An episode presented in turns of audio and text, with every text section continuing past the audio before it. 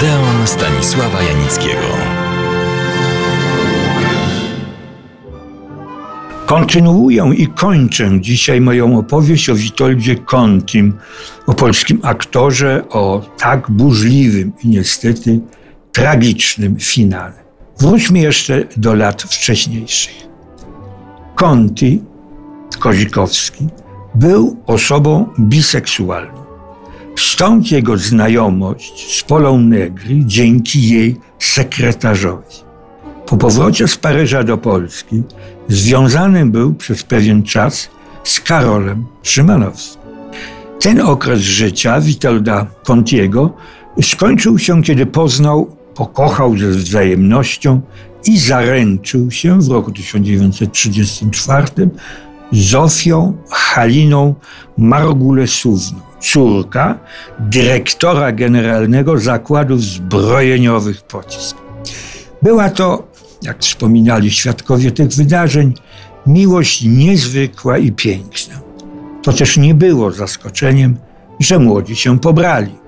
Ślub odbył się 17 lutego 1938 roku w kościele ewangelicko-reformowanym w Warszawie. Pozwolę sobie zacytować fragment ówczesnej relacji prasowej tego wydarzenia. Nie wiem, jaka była frekwencja tego czwartkowego popołudnia w warszawskich pensjach żeńskich. Chyba bardzo słaba, sądząc z tłumów pensjonarek, które morzem brecików zalały placyk przed kościołem ewangelicko-reformowanym na Lesznie, gdzie brał ślub urodziwy amant filmowy i sceniczny Witold Conti.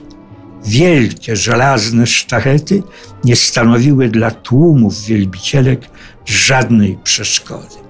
Rący potok wezbranej fali dziewczęcej przerwał wszystkie zapory. To też jedynie pod osłoną poważniejszego kordonu policyjnego mogła młoda para oblubieńców opuścić samochód i stanąć przed ołtarzem. Wyglądali oboje prześlicznie. On, bardziej męski niż kiedykolwiek, potrząsał dumnie jasną czypryną.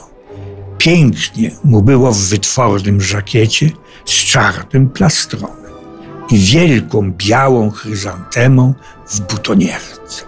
Ona, panna młoda, znana w kołach towarzyskich stolicy jako mała Suzy, czarująca, zarumieniona, przystrojona była cała na popielato.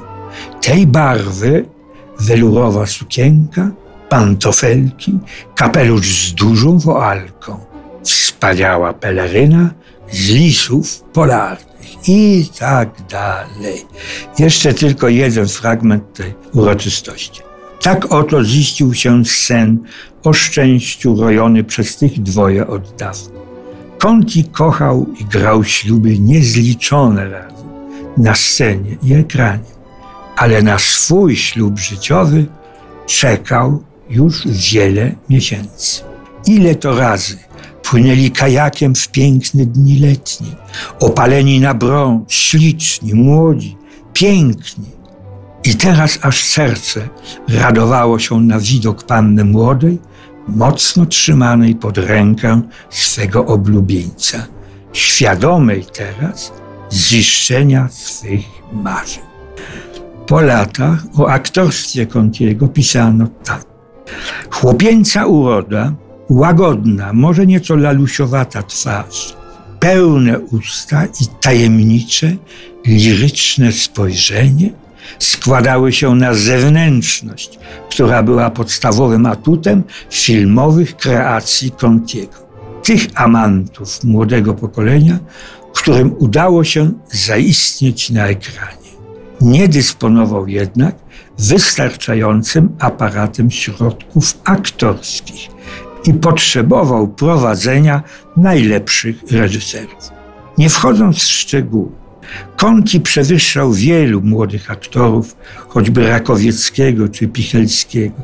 Nigdy jednak nie osiągnął pozycji prawdziwych królów ekranu Żabczyńskiego Adolfa Dymszy czy Franciszka Brodniewicza. A jego życie po wybuchu wojny jest jednym z wielu dramatycznych, tragicznych losów polskich. Szczęśliwym małżonkom urodził się syn, Janusz. Niedługo mogli z nim żyć w czasach pokoju.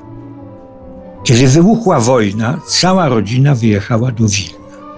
Tu niestety odebrał sobie życie ojciec Zofii. To odrębny los ludzki. Przyrodnia siostra wyszła za mąż za Włoch. Przeniosła się do Włoch. Witoldowi tego zabroniono.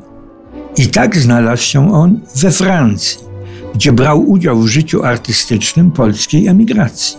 Usiłowania, że on, jego żona z synem mogliby żyć razem w jednym miejscu, nie powiodła się. To temat na odrębne opowiadanie. I tak Zofia żyła z synem Januszem we Włoszech. Natomiast Witold już ich nie miał zobaczyć. 26 maja 1944 roku Amerykanie dokonali rutynowego nalotu na Niceę, w której Witold Conti się wtedy znajdował. 384 osób wtedy zginęło. Wśród nich Witold Conti. Żona dowiedziała się o śmierci męża dopiero po kilku miesiącach.